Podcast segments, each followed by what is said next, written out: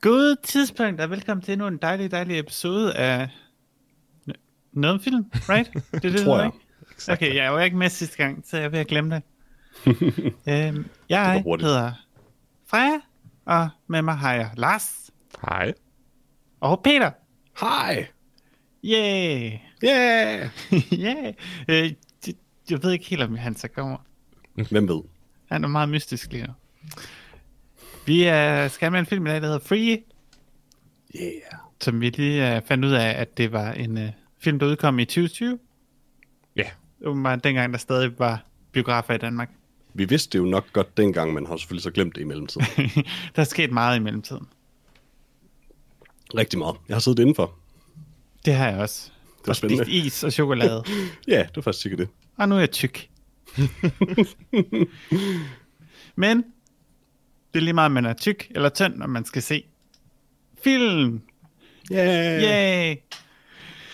Men før vi snakker om uh, dagens film Freaky, med den gode, gode Vince Vaughn, Mm-hmm.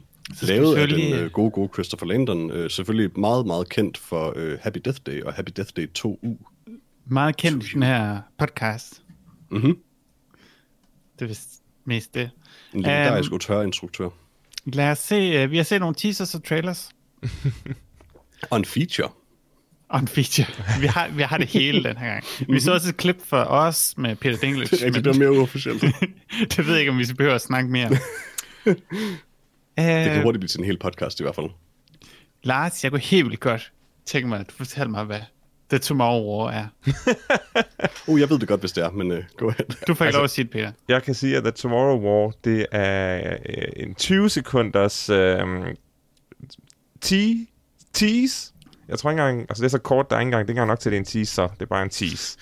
Okay. Øh, hvor øh, Chris Pratt kigger ud af en helikopter og siger, We fight the war tomorrow. Og så sprang en by i luften. Siger han rent faktisk det? Nej, jeg tror faktisk, de sagde et med, uh, We fight the war 30 years from now. Altså, fordi det eneste, jeg ved om den her film, det var nemlig, at der var nogen, der sagde, we're fighting a war in the future 30 years from now, eller sådan noget. Og jeg sad bare sådan, jeg ved ikke, hvad du snakker om. Hvordan giver det mening? og så kunne jeg ikke følge med resten af traileren efter det. Og så var det vist noget DC-pjat, øh, så vidt jeg kunne se på et eller andet, der stod på skærmen. Det tror jeg var en anden af dem.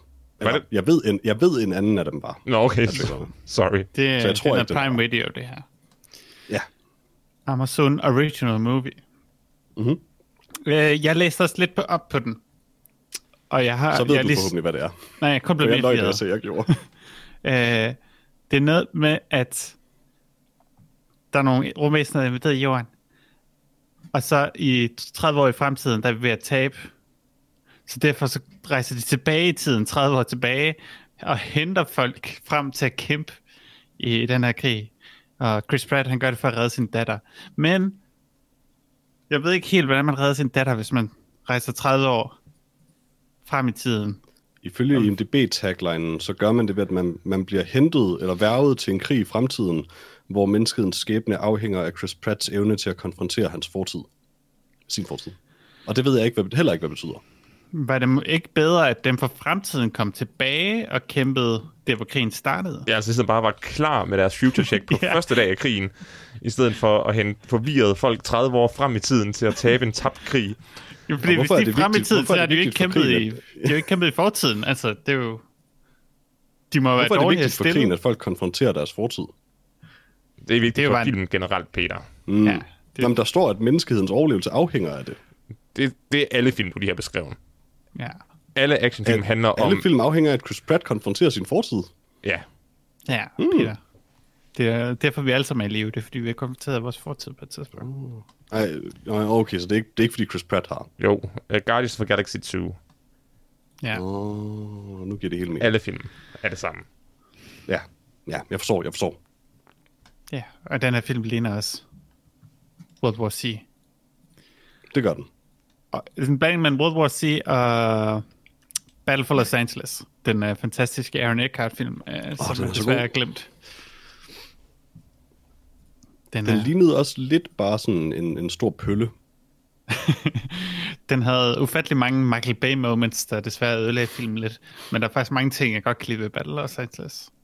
Nå, jeg tænker den her. Nå, Battle den her, ja, er cool den, nok. den ligner mere pølle. Uh, Battle Los Angeles er et eller andet sted lidt cool. Ja, fordi den er sådan meget nede på jorden og følger en lille squad det meste af tiden. Og så det føles mere intimt. Den vil noget. Hold op med at Mens snakke det om her noget, der er- sikkert er en god film, når vi prøver at snakke om en trailer der, til noget, der så helt igennem forfærdeligt ud. Altså, de fleste hader jo Battle of, for, for hvad hedder det? Den hedder bare Battle of Angeles. Uh, Ja, måske. De fleste ikke en populær det film. findes, tror jeg. det er... Men jeg kan lide. Men altså, jeg Jeg er kan jo lide dumme krigsfilm. det var The Tomorrow War. Det var forfærdeligt. Vi ser frem til en fuld trailer snart. Mhm. I stedet for Peter. Ja. Vi har allerede lidt off snakket om Misfits-serien. Nu skal vi så Mhm, snakke om Misfits-filmen. Ja. Um, kan du fortælle mig lidt om den her nye uh, James Bond-film? Øh, kun hvis det er den, der hedder The Misfits, som er fra 1961, og en øh, drama-romantisk westernfilm, som jeg lige, fordi jeg lige klikkede over på den igen, efter at have skiftet fra Misfits tv-serien, og opdaget, det er det heller ikke filmen. Men øh, jeg kan fortælle dig lidt om den film. The Misfits, Ja. altså fra 1961. Jeg vil helst gerne fortælle om den trailer. Clark. Gable er med den. Okay. Øh, traileren til The Misfits var sådan lidt, hey, kan I huske ham her? Ingens yndlings James Bond. Her er han igen i en heistfilm, tror jeg. Han er ingens yndlings James Ja, jeg tror, han er mangens yndlingsjens. Mm. Han er nok den værste. Ah, altså, han er selvfølgelig en af de få af dem, der ikke har siddet sådan øh, mange gange og talt om at slå kvinder og sådan noget, men udover det. Jeg har ikke nogen øh, respons. Jeg har heller ikke et foretrukket James Bond. Jeg synes faktisk, James Bond er sådan lidt lavet. men ja, øh, han var med. Jeg, hvad fanden er det, han hedder? Jeg kan ikke huske navn. Pierce Brosnan? tak, ja. Øh, og så skulle de måske stjæle noget, tror jeg. Jeg kunne faktisk ikke rigtig følge med. Okay, Lars? Hvad, Pierce Brosnan og en gruppe etnisk øh, og kønsmæssigt diverse folk skal stjæle guld fra et fængsel, som Tim Roth har i Mellemøsten. Mm. Øh, og så rider de på kameler. Op Der var til, meget med kameler, op, det kan op jeg til godt to huske. gange. Ja. Øh, jeg kan godt lide Tim Roth. Det kan jeg også. Men den her film så, så utrolig forvirret ud. Øh, og, og det tror jeg sådan set ikke, den er. Jeg tror bare, den er dårlig. Øh, og at de så har valgt at klippe traileren sådan med alt, hvad de havde. Så der er både lidt Fast and Furious biljagter, der er lidt øh, ja, nogle fængselsting og noget Tim Roth og noget kamel. Altså, de gjorde, hvad de kunne, men det så ret uinteressant ud. Det føles lidt som, at de har troet, at sådan en trailer er bare, at du tager alle scener i filmen og cutter et par sekunder ud af det og sætter det sammen. Ja. Det var en meget, meget lang trailer med rigtig mange forskellige ting i, og jeg forstår, jeg ved ikke, hvordan det hænger sammen. Præcis. Freja, hjælp os. øh, jeg synes, det bedste var det, der stod From the director of Die Hard 2, Cliffhanger and Driven. Hvem vil nogensinde reklamere med det? Er der nogen, Die Hard 2 måske? måske? Nej, Die Hard 2 er den tredje bedste Die Hard, og den tredje dår- dårligste. Hvor mange Altså, er der? Die, Die Hard Oh, 2 jeg, var jeg den, ved ikke, hvor mange der er efterhånden. Die Hard 2 var den dårligste Die Hard, indtil at de begyndte at lave flere Die Hards.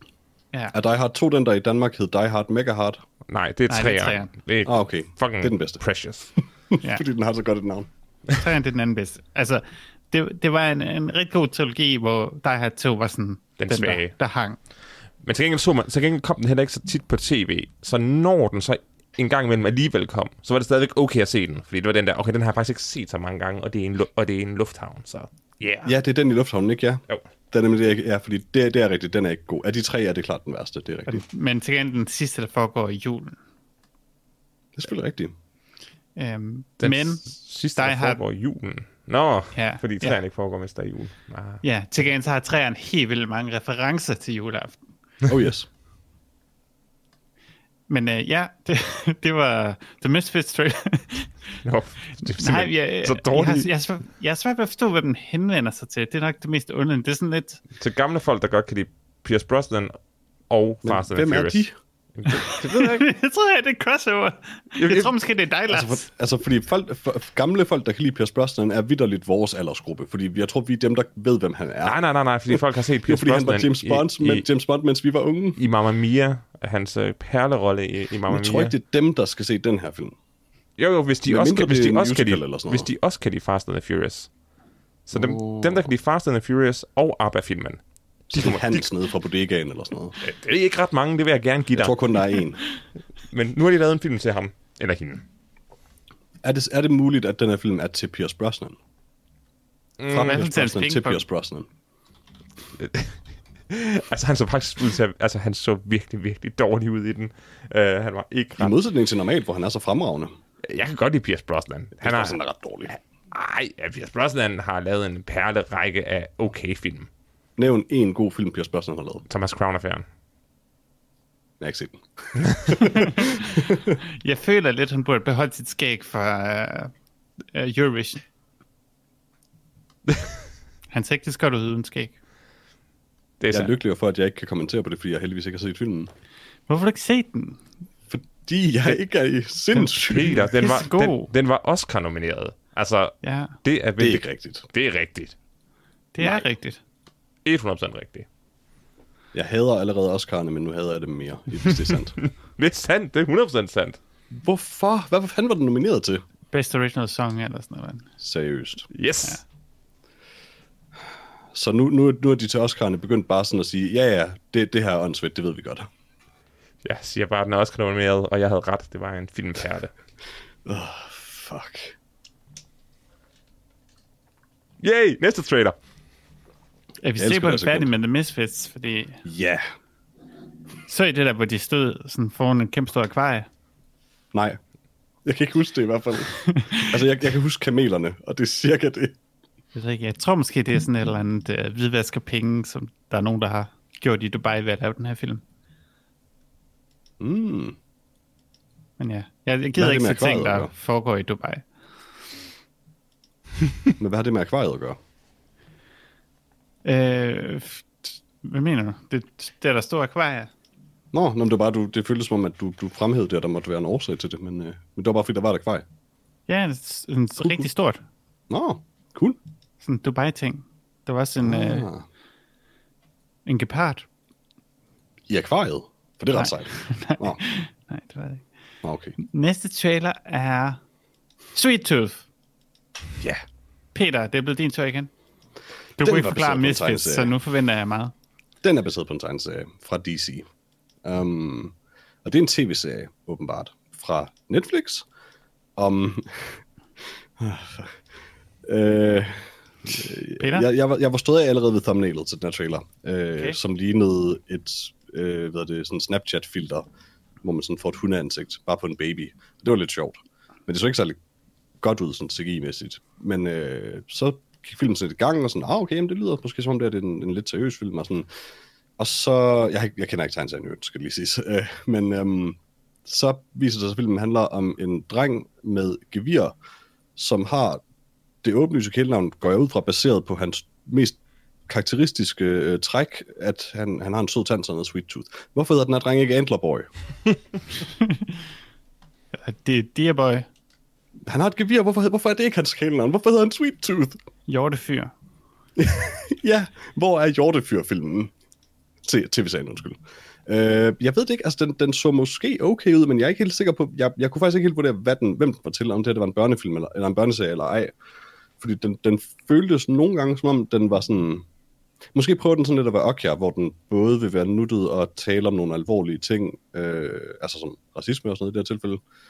Um, men jeg, fik, jeg kunne ikke helt finde ud af, jeg synes, den skiftede sådan lidt fra at ville være sådan en hyggelig, øh, fantastisk rejse for den her lille hjortedreng, der godt kan lide slik, I guess. Og så til undertrykkelse af øh, hybridmennesker. Hvorfor er der hybridmennesker? Det vidste de ikke. De vidste ikke, hvad der kom først. Øh, dyre, dyrebabyerne eller, eller virusen. Ja, det er et eller andet Wow. postapokalyptisk tema, hvor den her, hvor hjortedrengen, han er, han er vigtig. Er han, er han resultatet af en virus? Nej, de ved ikke, hvad der kom, traileren, de Peter? ved ikke, hvad der kom Nå. først, Peter. Hør nu efter. Nå. Se traileren, før du ikke. Nå, men jeg har sådan en sjælden evne til, at når noget er virkelig, virkelig uinteressant, så glemmer jeg det med det samme. Du se- ser byen brænde, og der er sådan en masse Ja. folk i uh, hazard suits, uh, hazmat suits, Ja. der kommer og henter folk, og det, det, det, det, det ringer en klokke. der er et forladt by, hvor der er elefanter, der render igennem. Jeg har sådan lige set den her traileren der. Så du elefanterne, Peter? Ja, det gør jeg. Okay, der er normalt ikke elefanter, der bare render igennem gaderne i storbyer. Om der er normalt heller ikke drenge med gevir. Så altså, Øh. øh... det stak ikke ud for mig. Måske ikke i Kolding, Peter. Damn straight, jo, det er Lars, fortæl Ja. mig noget mere. Øh, det kan jeg ikke fra jer. Det så for, altså, for mig håbløst uinteressant ud. Øh, jeg blev lige excited, da jeg så, øh, at Daniel Radcliffe var med. Mm. Øh, og nu er jeg på at se på skuespillerne, og jeg kan ikke finde ham på listen, så jeg tror måske, det var Will Forte, Det, det er ikke Daniel Radcliffe. er som, som, som jeg tog fejl af. Nå, okay. og det, det, Jeg synes heller ikke, jeg har set ham. Men, han, uh, han havde sådan noget Men, skæg, øh, og så sagde han, oh, take care, sweet tooth. Uh, og så troede jeg, det var Daniel Radcliffe. Det er sådan noget, han plejer at Men- sige nemlig. jeg, kan, jeg kan trøste dig, Lars, med, at jeg så den her trailer sammen med en anden, som nemlig også sagde, at det er Daniel Radcliffe, og jeg er bare sådan, nej. Okay, okay. Altså, det er jeg glad for at høre. Så du er ikke den eneste, hører- selvom det er underligt. var det Daniel Radcliffe, du så traileren sammen med? Ja, Okay. du har afsløret det, men, øh, men ja, jeg er Ja. ja. bedste venner med Mr. Harry Potter. Nå ja, det, nogen skal jo være det. Ja, præcis. Og det bliver så mig. det. Jeg er glad for, at du støtter uh, young struggling actors. Kun ham. Kun ham? Åbenbart, jeg ved det ikke. Okay. Altså, Rupert Grint har heller ikke brug for det, kan man sige. Ah, Rupert Grint. Jeg håber, han er okay. han, han han ser altid grund til at tro, der ikke er. Jamen, det, hver gang han dukker op i noget, så ser han altid sådan lidt ud, som om han ikke er okay. Jeg bliver sådan altid lidt bekymret for ham. Nå. Altså. Okay. Altså, det er klart, han ser ikke lige så godt ud, som han gjorde i Thunderpants. Men altså. Han, øh, Jeg, jeg tror ikke, jeg har set Thunderpants. har du ikke set Thunderpants? Det tror jeg ikke. Men jeg siger ikke, at Rupert Grint ser grim ud. Jeg siger bare, at han, han ser ud, som om han ikke... Han ser bare ikke altid ud, som om han har det godt. Det ved jeg ikke. Sidst jeg så ham, der havde han lige købt en uh, ice cream truck, og han så helt vildt glad ud. Sådan lidt. Det er måske mm. også, fordi jeg får det meste af min info om Rupert Grint fra Harry Potter, Ah, mm. som jo famously hader ham. Så bagtaler fuldkommen. ja, præcis. Han snakker ikke om andet, faktisk. Han er meget, meget vred over, at han ikke har været med i en uh, Ed Sheeran musikvideo. Jeg bliver ved med at Det- sige ham, at du ligner ikke Ed Sheeran, så det vil ikke rigtig give mening, men, men altså, det, det, vil han- det går helt galt, hvis jeg prøver at diskutere det med ham. Altså, hvem, hvem siger det? Daniel Radcliffe? Ja, selvfølgelig. Okay. Ja, jeg Øh, blev lidt Rupert, Grint er forvirret. med i en, Ru- Rupert Grint er med en Sheeran musikvideo. Okay, hvordan skal jeg vide det? Altså, han er rødhåret. på chefer. Det ved jeg ikke, det er bare Ed Sheeran, han er forholdsvis berømt. Vidste du den her fakta, Lars? Ja, han er med i Lego House. Ja. Og det Nå, ah, okay. okay. jeg har aldrig i mit liv opsøgt en Ed Sheeran musikvideo, men jeg har stadig set den. Jeg ved ikke hvorfor, men øh, Ed Sheeran, han opsøger dig, er det, du siger. ja, præcis. Jeg går ud fra, det derfor, han pludselig var med i Game of Thrones. Altså, fordi jeg ikke kan undslippe ham. Hvorfor? Hvad snakkede vi om? Rupert Grint er med i en uh, tv-serie, der, der hedder Snatch. Er den baseret på filmen? Det tror jeg ikke. Det kunne sælge det sådan noget. Daniel, Vi har, Daniel, øh, siger til mig at vi skal holde op med at snakke om Rupert Grint. Der har vi så en, um, en lille feature til, at, til at slutte trailer-segmentet af, fordi vi startede med en det, det teaser, her gode trailer-segment. startede med en teaser, to trailers, og så lige en feature tilbage. Ja. Ja. Jeg ved ikke, hvem af jer har, har mest lyst til at, at fortælle om det her Det har jeg. Jeg tror, at den Vin Diesel har. fantastiske oplevelse? Det har, det har jeg. Nu, nu, nu når vi ikke okay. Havde råd til at få Vin Diesel til at komme og fortælle om det selv. uh, vi har set en mærkelig trailer-feature uh, til den nye Fast and the Furious, uh, Neon, hvor Vin Diesel kommer kørende i en bil, stiger ud og begynder at sige, hvor trist det har været med corona. Men at heldigvis, så kan biografen redde os alle sammen. Hvis vi bare alle sammen samler os tæt inde i biograferne, mm-hmm. så forsvinder corona. Uh, og så viser de otte klip fra, fra Fast and Furious 9, der så helt vildt gal- gakkelak ud. Uh, og så sagde Van Diesel et eller andet in- inspirerende, men jeg var lidt fa- faset ud på det tidspunkt og tænkte, hvad laver du, Van Diesel? the movies always come back, eller, eller. Ja, ja, Han så altså, så glad ud til gengæld. han, han, han, var så, han havde så meget selvtillid. Han havde så meget karisma. Han, Han vil bare så gerne i biografen. ja, fordi det er det eneste, der kan redde os. movies. Øh, altså, jeg forstår godt, at folk, der arbejder i Hollywood, rigtig gerne vil have, at folk begynder at gå i biografen igen, fordi som det her trailersegment måske er en indikation af, så, så der, der sker ikke sådan vildt meget godt i filmindustrien lige nu. Um, men, men ja, det virker bare sådan lidt... Øh, det virker som en dårlig idé at sige sådan, vi kommer fandme i biografen, for det plejer ikke at gå godt, når man sådan caller det på den måde på forhånd. Jeg håber, at de gør. Jeg håber, det er godt nok til den tid, at de kan. Men det tror jeg Altså, amerikanerne er jo tilbage i biografen. De Ja, ja, fuldstændig men de burde ikke være det. Nej. Altså, de har jo, de havde jo 6.000 millioner øh, vacciner. De er jo alle sammen, de, har, de har alle sammen fået fire, bare for sjov Ja, skyld. bortset fra de unge mennesker nu, fordi Joe Rogan siger, at de ikke behøver.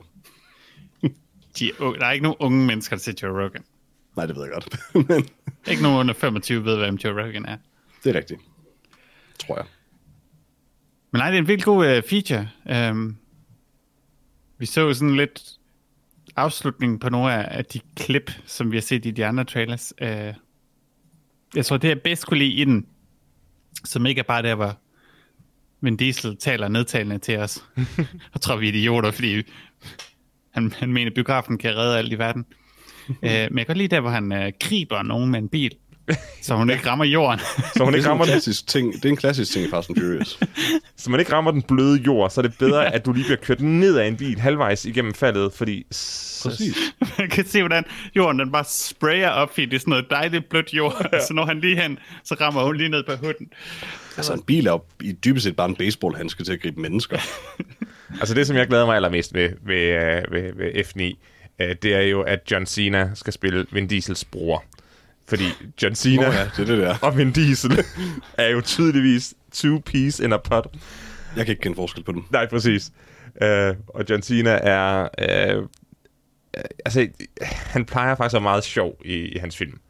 Uh, og Fast and Furious er da alt andet lige en genre, der passer til hans deadpan humor.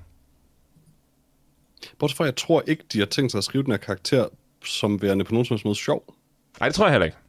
Jeg tror, han kommer til at være sådan 100% sådan kold, og du ved, sådan meget self-serious, og det er bare oh. lidt synd at gøre ved John Cena på en eller anden måde. Men jeg kan til gengæld godt lide... Lars, er det, er det hele Fast and Furious 8, at uh, Charlize Theron har cornrows, eller bare noget af den? Ej, Peter, jeg kan sgu ikke Hun har cornrows i den film i hvert fald, og jeg kan godt Ja, lide, at hun ser til, at de har skiftet den frisør ud med en grydeklipning i den her. Ja, Grydeklipning er 100 gange bedre. Altså, Det nu er så det, jeg kun, men jeg det så kun der første er nogen- halvdel af, af, af 8'eren, for jeg kunne simpelthen ikke klare det længere. Altså, det, Øh, det, det er 100% bedre, men jeg, jeg kan ikke lade mig at spekulere i, om uh, Charlize Theron og frisøren på de her film er blevet uvenner på et eller andet tidspunkt. Det var en stærk frisyr, Peter. Jeg kunne godt lide den. Den er Ja. bedre i hvert fald. Altså, det, det, er, det er en god lesbisk cut, det der. Jeg tror, det er det, de har kørt efter. Altså, hun er stadig lækker, selvfølgelig.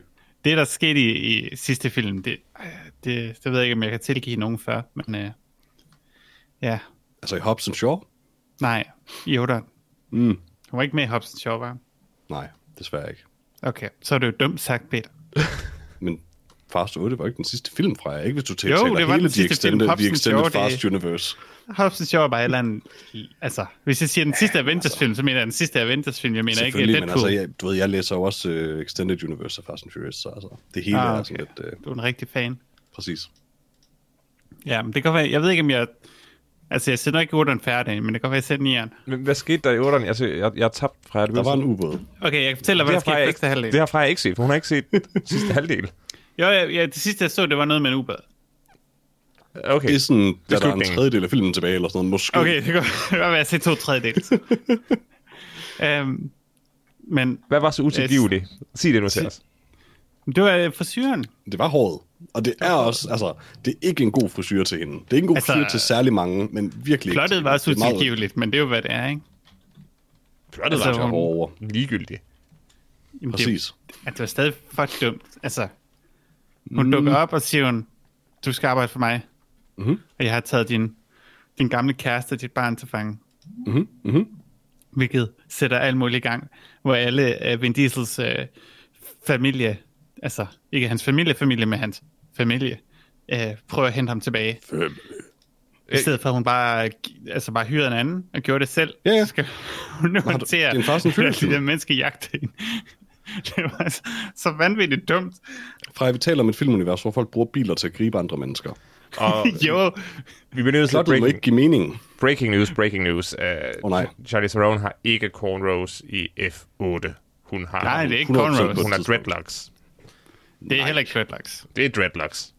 Nej. Åh, oh, jo. Ja, nu skal jeg da have Vi er nødt googlet. til at live Nej, nej, det er sådan noget... øh, Det er sådan noget okay, de er meget tynde dreadlocks. Det kan godt være, det er dreadlocks. Fuck, det er godt være. dreadlocks. Jeg husker det som cornrows, og det, så det, jeg husker, er faktisk bedre end det der. Nej, nej, Somehow. dreadlocks Det der, det er bedre så- end cornrows. Ikke de der. Altså, dreadlocks Ikke på, de der. på, på en, en hvid person er bedre end cornrows på en hvid Hvorfor er de person. så tynde? Det er fairy dreadlocks. Det er dårlige dreadlocks. Det ser helt forkert ud.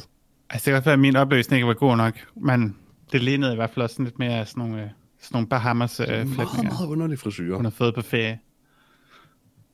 Ja, jeg forstår det heller ikke helt. Hun, det føles virkelig meget som om, da hun dukker op, sådan, at hun er den her onde superskurk, men hun har lige været på ferie, og hun har ikke fået ret det Altså, hun der er ud selvfølgelig også på Cuba, men alligevel.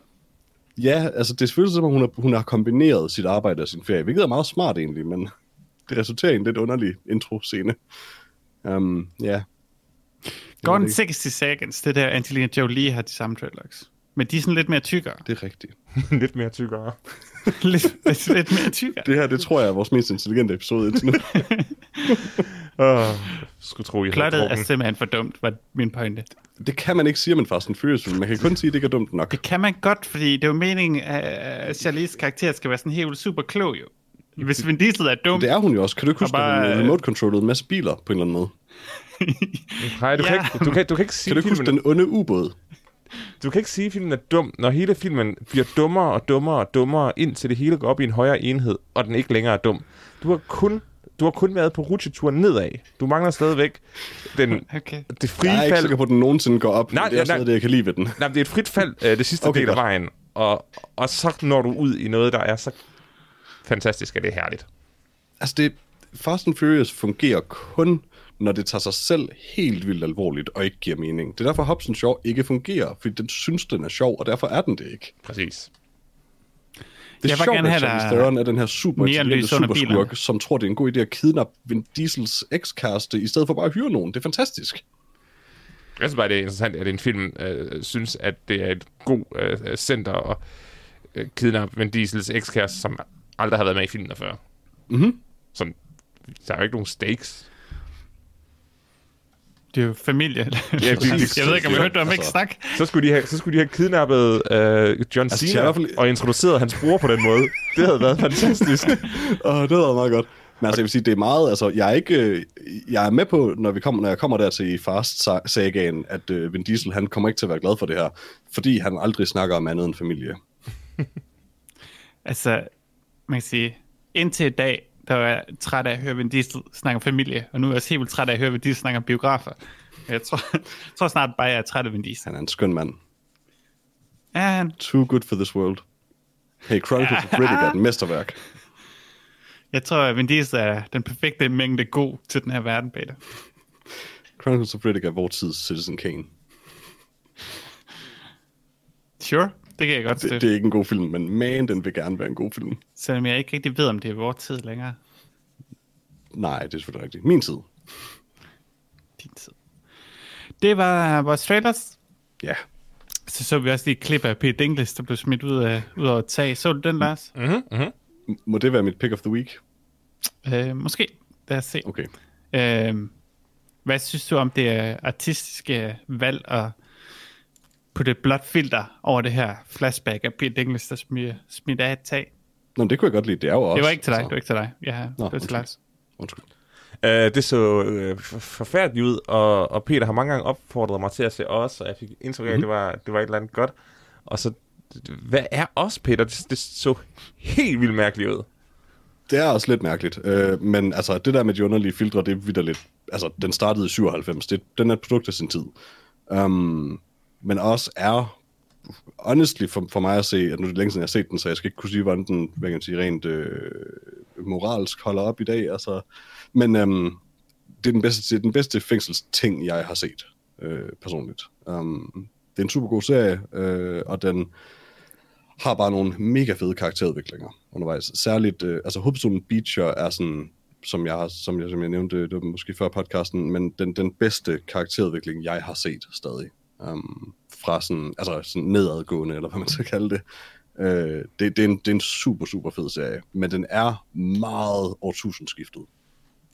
Øh, Det tror jeg ikke, jeg, det tror jeg ikke, jeg kan lide, Peter. Okay. Altså, jeg vil sige, den primære grund til ikke at se den, fordi det der med det blå farvefilter, altså, det er, den bliver kun sådan der i nogle altså, enkelte scener. Det meste af den er meget mere sådan, hvad kan man sige, almindeligt at se på. Um, jeg vil sige, den primære grund til, at man ikke skal se den, er, hvis man har det svært med sådan, måske lidt forfærdelige ting, mennesker gør ved andre mennesker. Um, Det er jo ikke nogen, rent fysisk og sådan noget. Uh, fordi den, den, især fra 97 til 2003, så går den ret langt, og den gør det ret hurtigt, og det skal man bare lige være forberedt på. Um, hvis, og hvis det ikke er noget for en, så hvilket jeg godt vil kunne forstå, så skal, altså hvis det er noget, man måske har det først været med til at se det, så skal man nok ikke tjekke os ud. Ah, den ser ikke lige så god ud som uh, Prison Break. Det er... Well, du har ikke set den, så jeg kan tilgive det, men øh, lang, meget langt fra sandt. Har du set Prison Break? Ja, og Prison Break er noget bras, der ville Hvorfor har du set det Prison Break, os, Peter? Fordi det var helt vildt populært dengang. Alle så Prison Break på et tidspunkt. Okay. Jamen, jeg så også de første uh, to Ja, sæsoner, præcis. tror jeg. Og så stoppede jeg ligesom alle andre. Ja, ligesom det, de, der, der har været en hel sæson, hvor de ikke var i fængsel. Præcis. sådan- det, man, man så lige den, Break. mens man ikke kunne lide det. Og så var man sådan, ja, jeg kommer ikke tilbage til det her. Um, men altså, honestly, sådan, det bedste Prison Break er stadig ingenting sammenlignet med os. Virkelig, altså, os er så sindssygt meget bedre. Ja, men uh, det har ikke uh, Robert Knipper. Uh, Det har det Så. måske. Robert Knipper er ikke med i, i os. Hvem ved? det ved jeg. Til, til gengæld er... Jeg fortæller dig, han ikke til gengæld er, den, til gengæld er også Christopher Malonis øh, bedste performance. Øh, alles elskede Christopher Maloney. Øh, Christopher Maloney er en skuespiller, som jeg tror ingen egentlig holder af, medmindre de har set ham i os, før de så ham i noget som helst andet. Um, men han er god i os, og han har bare lavet helt vildt sådan SVU og sådan nogle ting efter det. Jeg kan ikke huske, hvem Christopher Maloney er. Øh, en stor fyr. Øh, sådan sort of handsome, sort of creepy at se på. Um, og det er, hvad hans karakter er i os på en eller anden måde. Altså, han, er, han er virkelig oprigtigt mega god i os, og hvis man har set ham dag, så er han sådan en af dem, man sådan, "Åh, det er Christopher Maloney hele tiden, men det er kun fordi, Okay. okay. man sådan har et underligt forhold til ham på grund af den serie. Fair nok. Det var vores uh, anmeldelse af os. Yeah. Eller hedder det The Os, Peter? Bare os. Bare os. Okay. Lars, din pick of the week. Uh, min pick of the week uh, bliver F9. Et, fordi det er en film, jeg kunne tænke mig at se. Uh, og to, fordi det var en mm. hyldemorsom uh, PSA, som, uh, som Vin Diesel havde lavet. Den var ret god. Det var bedre, ja. end det, jeg håbede, da jeg trykkede på det. Og jeg kunne se, det bare var sådan en klip med, pi- øh, med, med Diesel, der snakker til kameraet. Hvad med... Jeg vælger, jeg vælger også F9. Det er jo, det er jo en del af Fast-sagaen, og altså, mm. in for a penny, in for a pound. Øh, og jeg vil sige, jeg har investeret mange pund i det her allerede. Um, og så det er bare godt at se Vin, Vin Diesel glad. Jeg ved ikke, jeg har ikke, jeg han ikke om, glad? hvorfor han er glad, men han smilede. Jo, han smilede i sådan... Uh, Ja. Og det er man ikke kunne bare- sådan lidt forstå, hvad han sagde. Og han, Arno var ikke, han var ikke tykke Vin Diesel. Ikke fordi der er noget, som er skal være tyk, men Vin Diesel virker, som om han er tyk, når han ikke har det så godt. Jeg synes bare, det mere det så som om han havde ondt i kroppen. At det var sådan mere sådan, trækker øh, Jamen, sådan ser han altid. fordi jeg har ondt.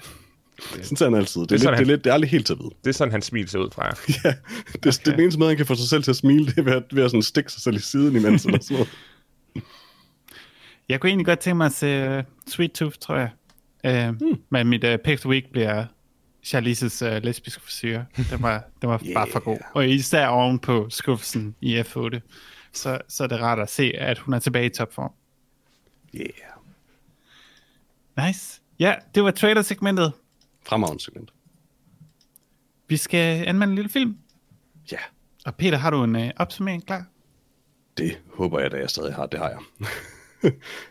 øh, som altid oversat fra IMDb's sikkert udmærket engelske til sikkert også udmærket dansk af Google Translate. Og det lyder sådan her.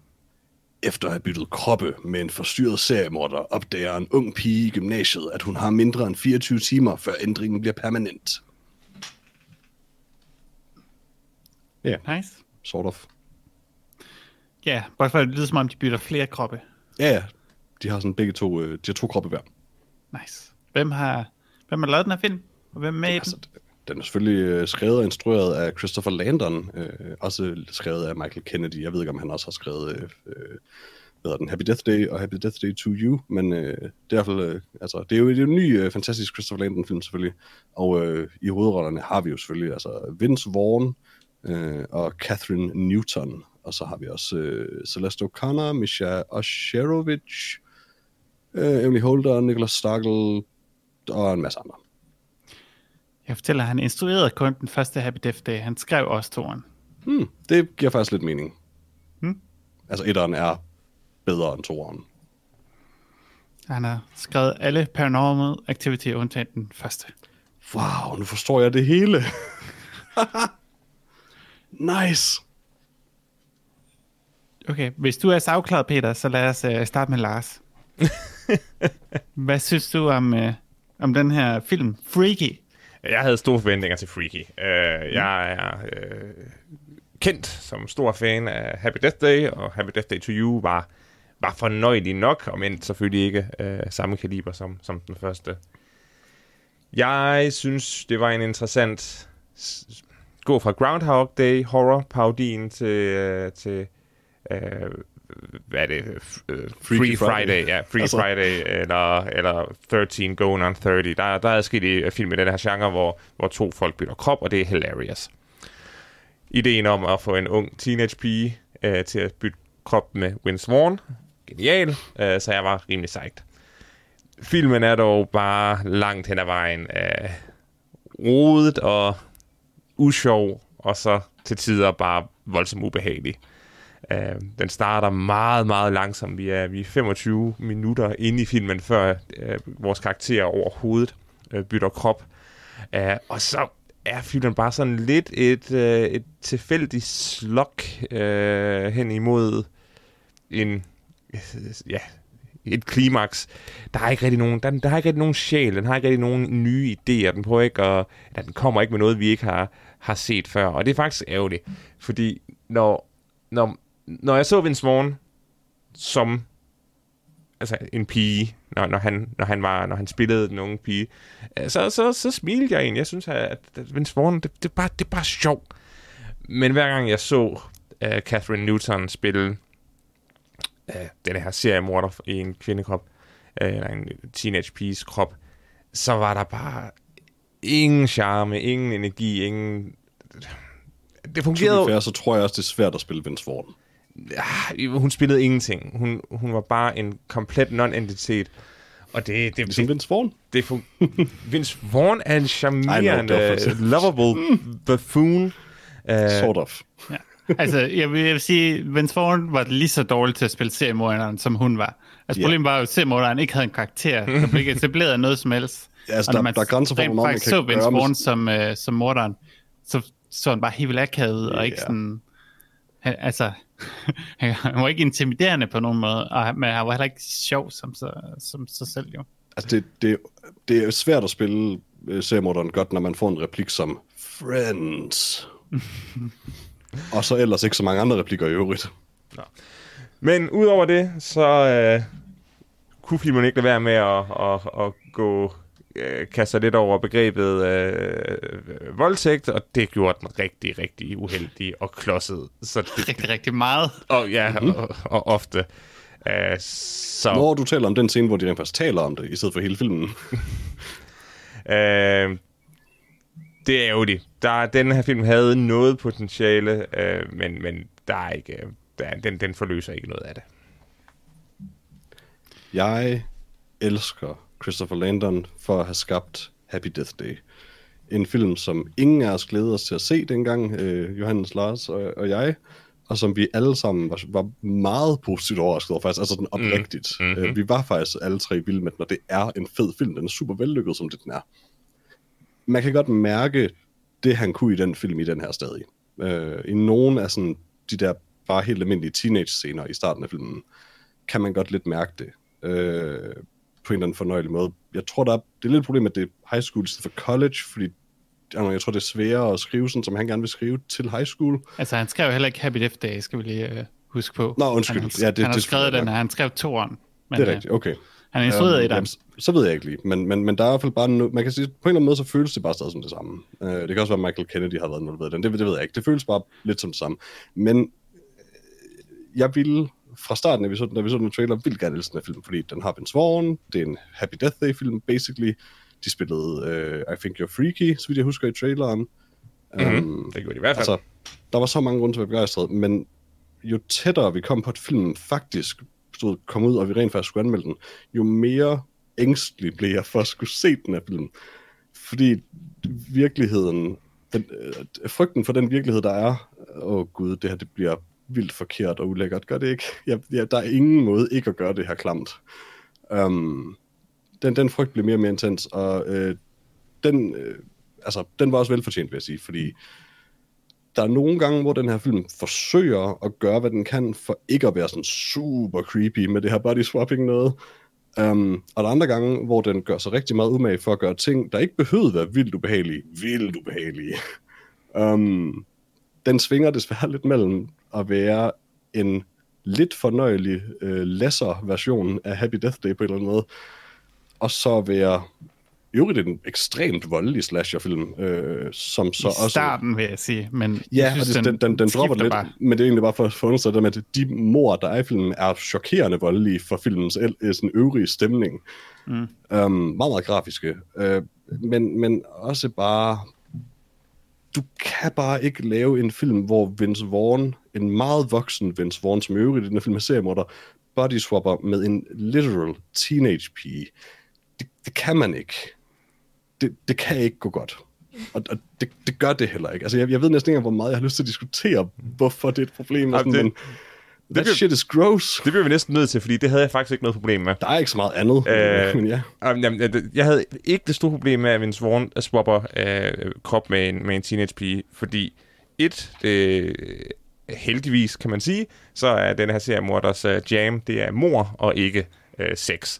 Så, så Han, venter, han tøver dog ikke med at rave på sine egne bryster, øh, som det første. der, er præcis, der er præcis en scene, hvor han tager på sine egne bryster, men bare den måde, det bliver gjort på, er ikke seksuelt så meget som bare en bekræftelse af, hvad der er sket.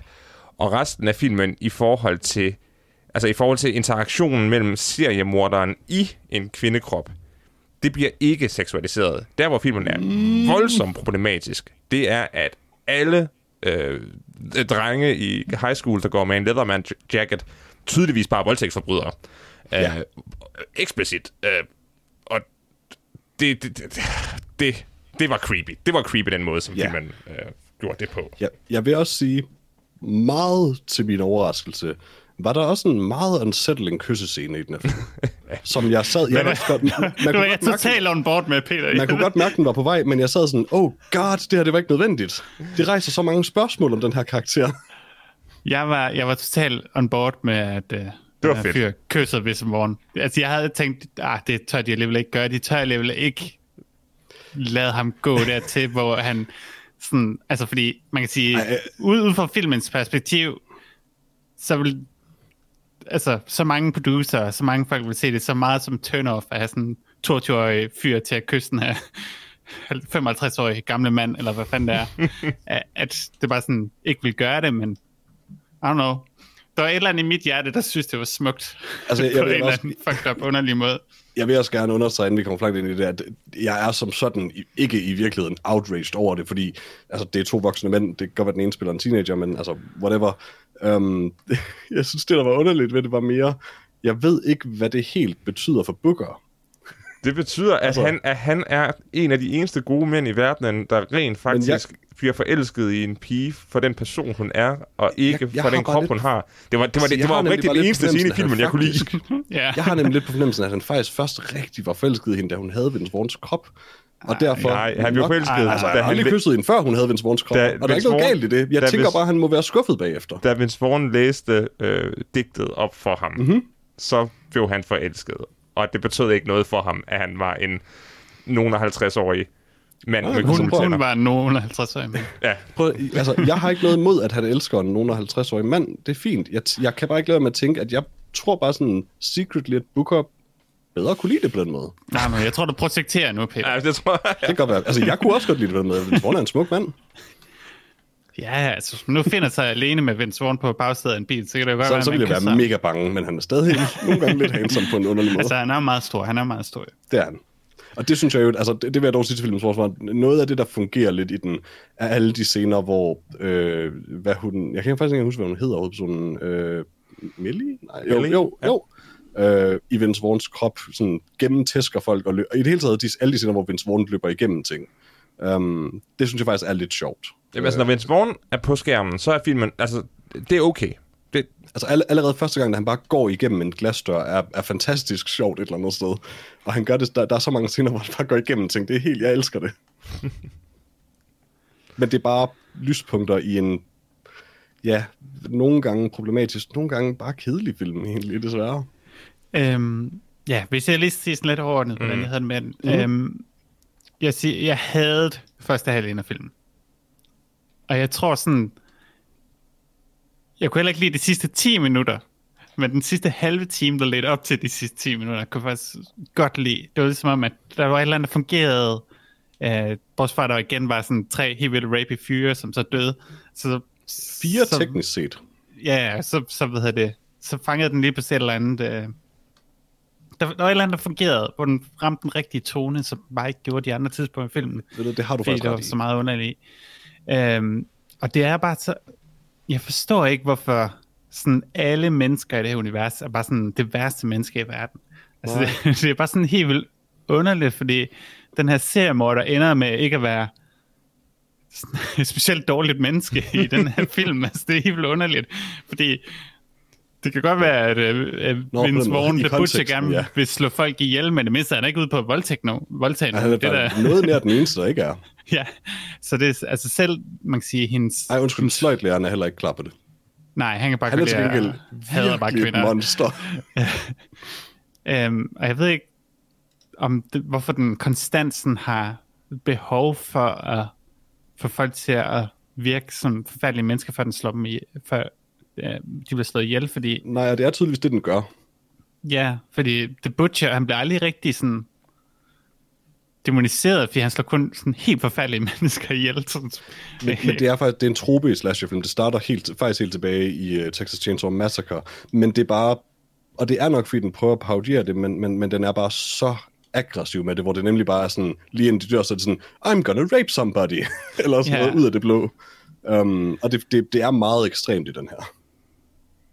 Ja, fordi det er som om, jeg ved ikke, Men det, men det er en ting i slasherfilm, der med, at folk... Altså, det er ikke, fordi den mener noget med det, men, men genren har det her redskab med, at folk myrdes på grund af moralske forbrydelser essentielt, eller altså, Jo, jo, jo, det er sådan nogle fjollede selv- ting, sådan med unge, der har sex eller tager stoffer, og sådan, så dør de bagefter. selv hendes, øh, hendes ven, der, sin homoseksuelle ven, der snakker om at pick up straight guys, siger hun, det lyder som Ja. voldtægt, og siger han, ja, I hope so, eller sådan et eller andet. Ja, det er sådan lidt... Øh... Han dør jo ikke, altså det er jo ikke... Nej, nej, jeg, jeg sad og så tænkte, åh oh, man, midt i James Charles-tingen, det her, så er det her bare lidt uheldigt, at han bare står og snakker om literally the same thing.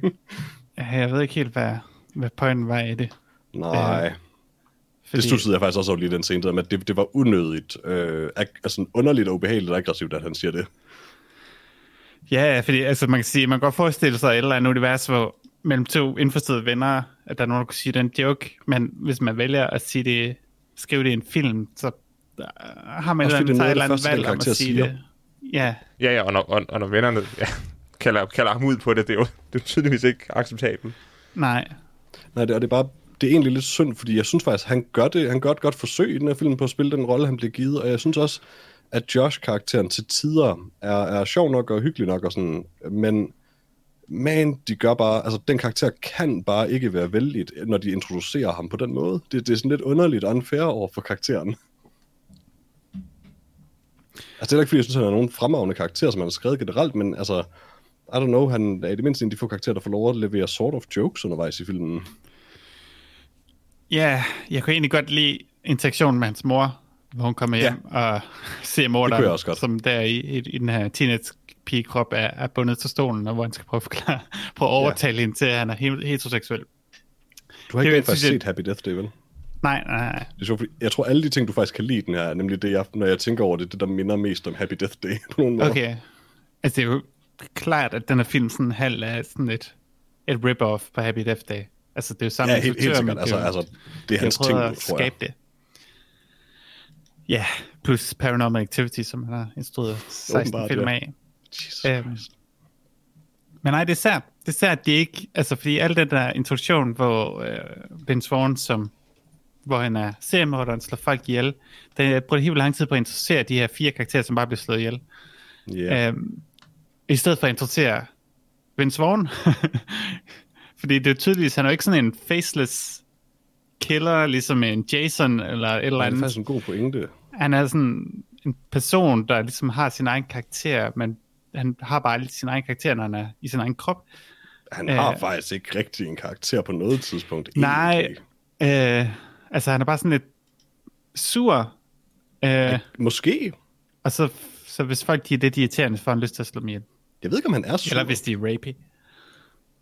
Han virker så, han virker som om han var lidt træt af at vågne op og skulle håndtere moren der, der, der Grumpy lave- måske. ja. Men ja, du har faktisk en rigtig god point der, fordi det, det fungerer faktisk ikke, at han er jo tydeligvis den her trope, altså han ligner jo vildt Jason, og det er jo med vilje sådan, om, der han har den, her, den ansigtsløse skurk, som, ing, som ikke er noget andet end et redskab for mor i de her film. Men du, man kan bare ikke, man kan ikke tage ham og skrive om sin karakter. Det, det er en meget dårlig idé. Det, det fanger faktisk noget ret centralt for, hvorfor filmen ikke virker der, tror jeg. Ja, fordi hvis, hvis han, altså, de kunne sagtens have lade ham være komisk på en eller anden måde, også fordi han er ikke sådan intimiderende alligevel, og han bliver alligevel spillet af en lille teenage som de gør meget af vise er fysisk sværere, hvilket faktisk er ret sjovt. Det er en god idé, ja. det der med, at han har været mm-hmm. sådan en kæmpe stor fyr, og nu er han sådan en lille teenage krop, og så finder han ud af, at det er faktisk pisse svært at slå folk ihjel, yeah. når man ikke har nogen kræfter. Det er lidt sjovt, det at de hele tiden laver det frem og tilbage, hvor de, de har egentlig begge to problemer med deres nuværende situation. Ja. Så hvis de lavede ham lidt mere komisk, fordi det sted, han bor, hvor hun vågner op i hans krop, er sådan helt underligt komisk. det er, sådan lidt en masse sjovt. Det er lidt mannequin-dukker og sjovt. sådan noget, ikke? Og den her fantastiske fyr, der desværre ikke dukker op igen i resten af filmen. Desperat efter stoffer. Uh, Øh, men det er sådan, det er sådan sært, og jeg ved ikke, måske skulle det have været uhyggeligt. jeg ved det ikke helt. Men det tror jeg igen er et forsøg på satire. Altså igen, ja. øh, Texas Chainsaw Massacre har også det mest latterlige hus i verden.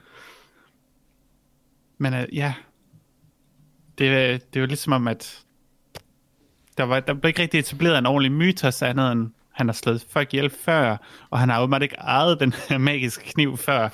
Den, den får han i starten af filmen, hvor han går ind og stjæler den, fordi han ved, den er der. Eller, jeg ved ikke hvorfor, men Den Det, snakkede jeg tror til ikke, han ham. ved, den er der.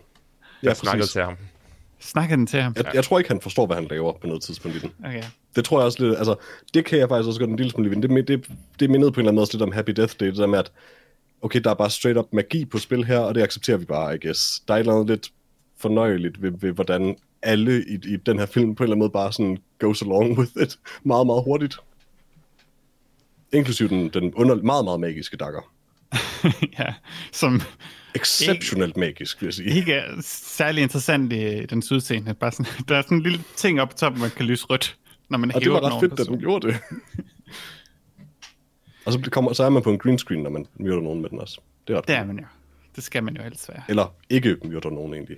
Jeg forstår ikke, hvorfor han er så god til at slå ihjel. Og så lige den her ene gang, der er han sådan, jeg starter med skulderen. Starter med scooteren. Skulderen.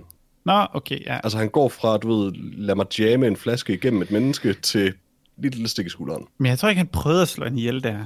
Men, hvor, men det, det gjorde han bare alle de andre gange jo. Jo, men han må have vidst, hvad den her kniv gjorde jo, fordi han Det gik tror jeg nemlig ikke. specifikt efter den. Det, Han det var tror der jeg jo ikke. virkelig, virkelig ikke, han vidste. Jamen, Nå, den taler til ham. Den taler til ham. Det er vildt, altså, han, er, han står bare stener i huset, så taler kniven til ham, så går han hen og tager den. Jeg tror, han var der i huset for hende.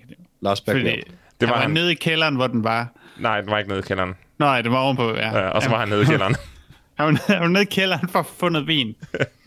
Han, han var der for at myrde teenager. That's his thing. Det, Altså, altså, det, det, men det får vi jo etableret, at han, han kommer frem, når der, når der skal til at være prom, for whatever reason, for at myrde nogle teenager, og så tilbage i fængsel. der er ikke nogen tvivl om, at det er en semi-joke i øh, filmen, at denne her MacGuffin, der skal til for, at de bytter krop, er, er, er det er bare sådan en dum, generisk øh, Disney Channel øh, objekt. Mm-hmm. Han finder den tilfældig, den bliver aktiveret tilfældig, og så er filmen i gang. Det eneste, det eneste anke, jeg har i, i den her scene, det er, at det tager 25 minutter. Fordi Det går, det går ud hurtigere. Så selvfølgelig er det centralt at, at, at, at vise, at han er en brutal morder, der bruger sin styrke. Altså han, han ja, stopper en flaske ned i halsen, han løfter en lille pige op og, og spider hende på væggen, og altså, det er styrke, han bruger. Så det er jo vigtigt at få ham introduceret, men han, de 25 minutter var bare alt for dræbende. Og Det havde indtil... været ret godt, hvis det bare var sådan, du ved, hard cut til sådan midt murder på den sidste, og så bare sådan, hey, en kniv, og så bare videre med filmen. Ja, eller flashback tilbage, hvor det skete sidste gang, eller sådan eller andet. Oh, De kan bare, de kan bare tage den dumme kniv, sådan at den dumme spansk lærer kan forklare den dumme historie om, at den bytter kroppe. Altså, I don't care. Men Jeg vil, jeg, vil, jeg, jeg vil bare... det, det er meget i tråd med, med, med hvad hedder det, Happy Death Day. Det der med, at Ja, det er det fuldstændig... her det er bare ting, det, der, er- der, der, der er den her magi, og det er bare, okay, let's get on with it. Ja, det som der er interessant i filmen, det er at udforske, hvordan en stærk seriemordermand lever i en ung pigekrop, og hvordan en ung pige øh, vil være i en stor øh, mandskrop.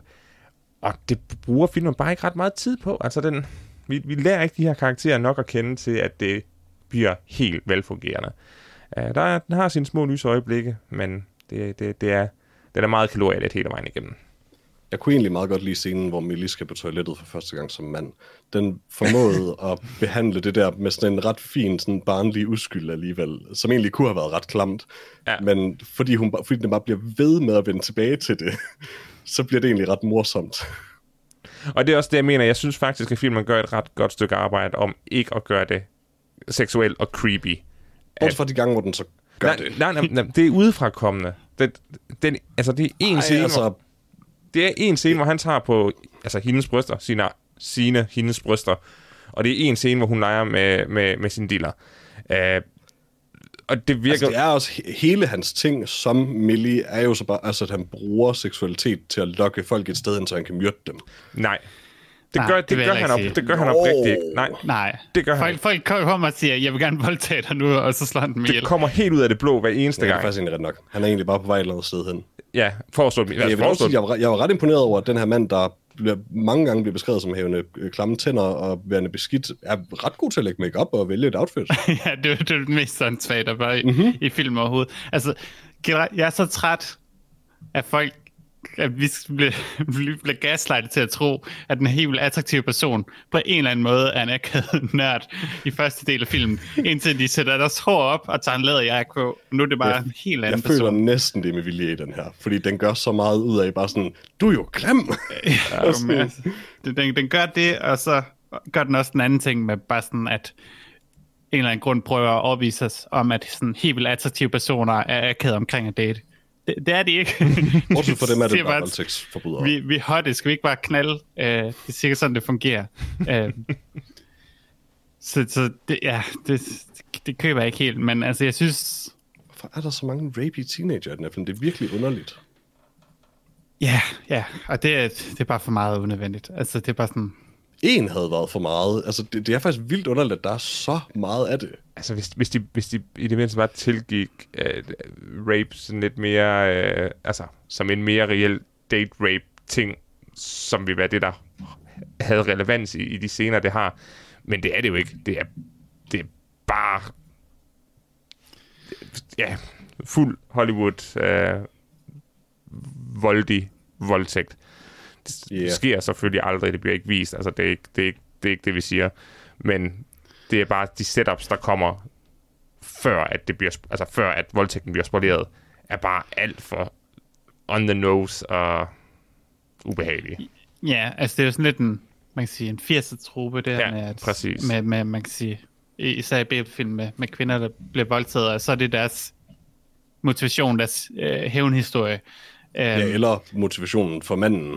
Ofte sådan set også jo. Sådan at han, manden går ud og redder dagen, fordi det her det er sket for en kvinde. Ja, ja, mm. det er også sådan. Men, øh, men altså meget, meget af det var jo så også, at de ville gerne vise voldtægten, fordi det var noget skyld for at vise bryster. Mm. Men Ja. det bliver bare ekstra sært, fordi det er Vince Vaughn, det mandlige morder, der er inde i hendes krop. Så det er sådan lidt... Og vi får ikke rigtig etableret, hvad hans karakter er. Hvad hans, han har reelt ikke nogen motivation for at slå ihjel. Det er bare noget, han godt kan lide. Men han, yeah. han vælger altid at... Det virker til, at han vælger at slå sådan dårlige mennesker ihjel.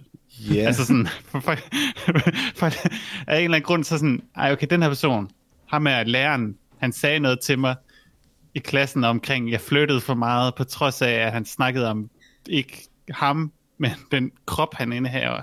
Uh, det, det var så mange metalag, at det var sådan ikke rigtig giver mening. Måske Øh, er så han ja. helten egentlig. Jamen, det er lidt det, jeg tænker. Altså, fordi selv af de her fire teenager i starten, der er de tre af dem faktisk, i hvert fald, i hvert fald de tre af dem, også rimelig shitty. Ja, jeg ved ikke med hende, Især ham der, der øh, siger handy, bare fordi han siger handy. Jeg var glad for, at der var meget få sekunder fra det til, at han døde. handy.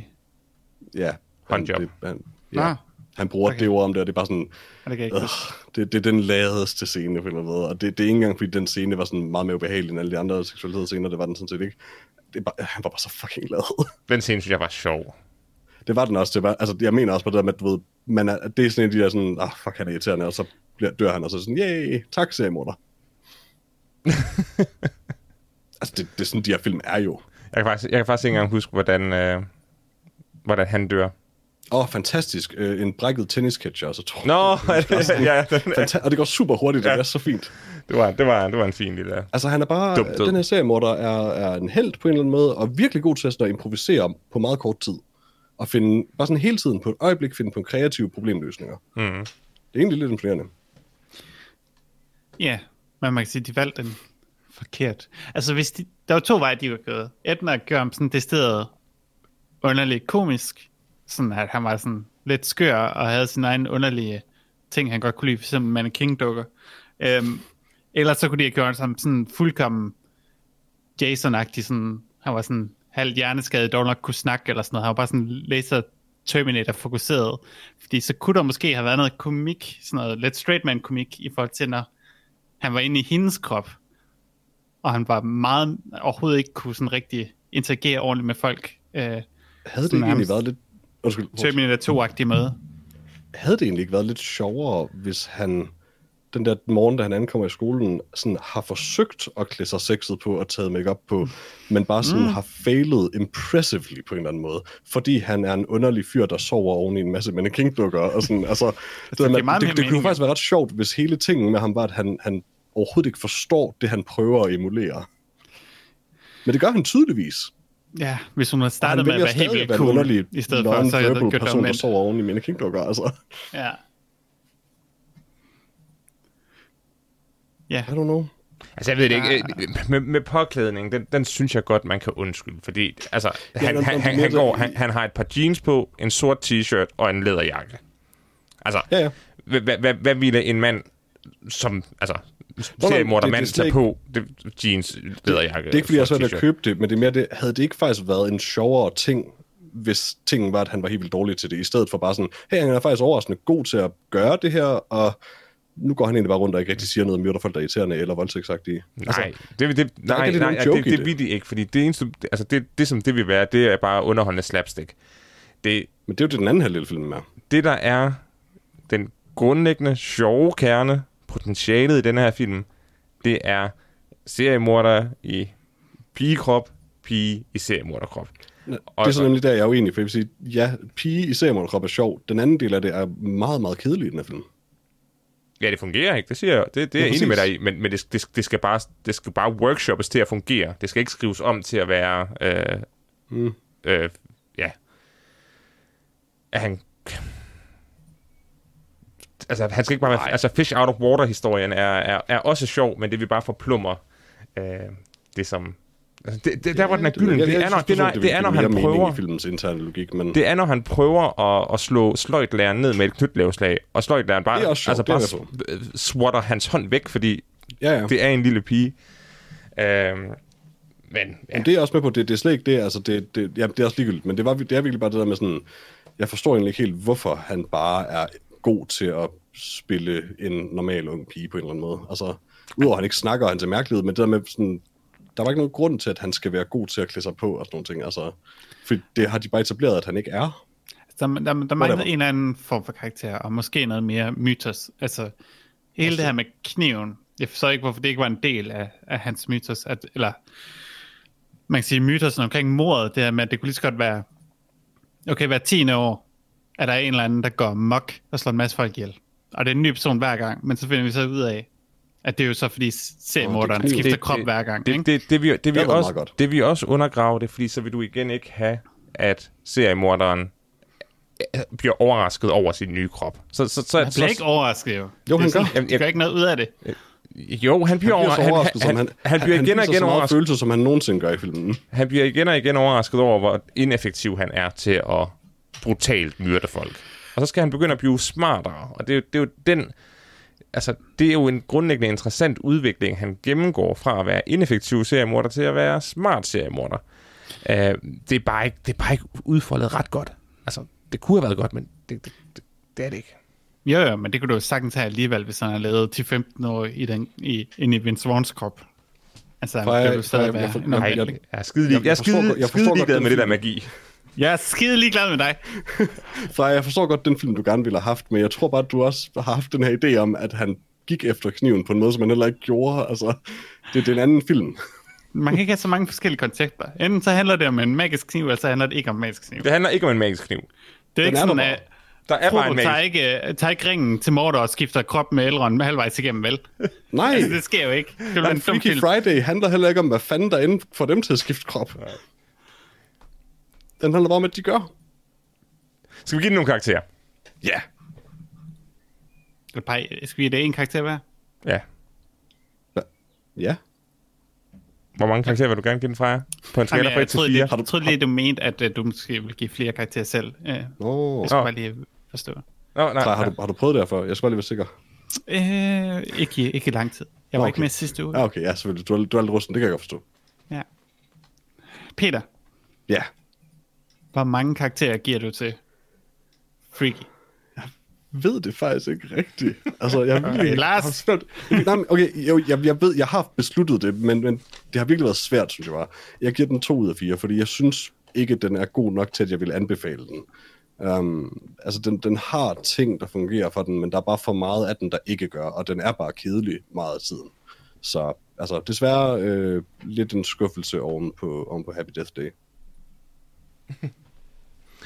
Uh, jeg er, er helt enig i, at, at, at den korrekte karakter for filmen er to, Peter. Men jeg vil ikke sige, at det er lidt en skuffelse om på Happy Death Day. Det er en massiv skuffelse. Nå, ja, ja, oven på. Happy. Death Jeg Day. prøvede bare at være sød. Ja, ej, jeg, jeg, havde, jeg, havde, jeg havde ikke høje forventninger til filmen, men jeg havde dog håbet, at den ville være underholdende.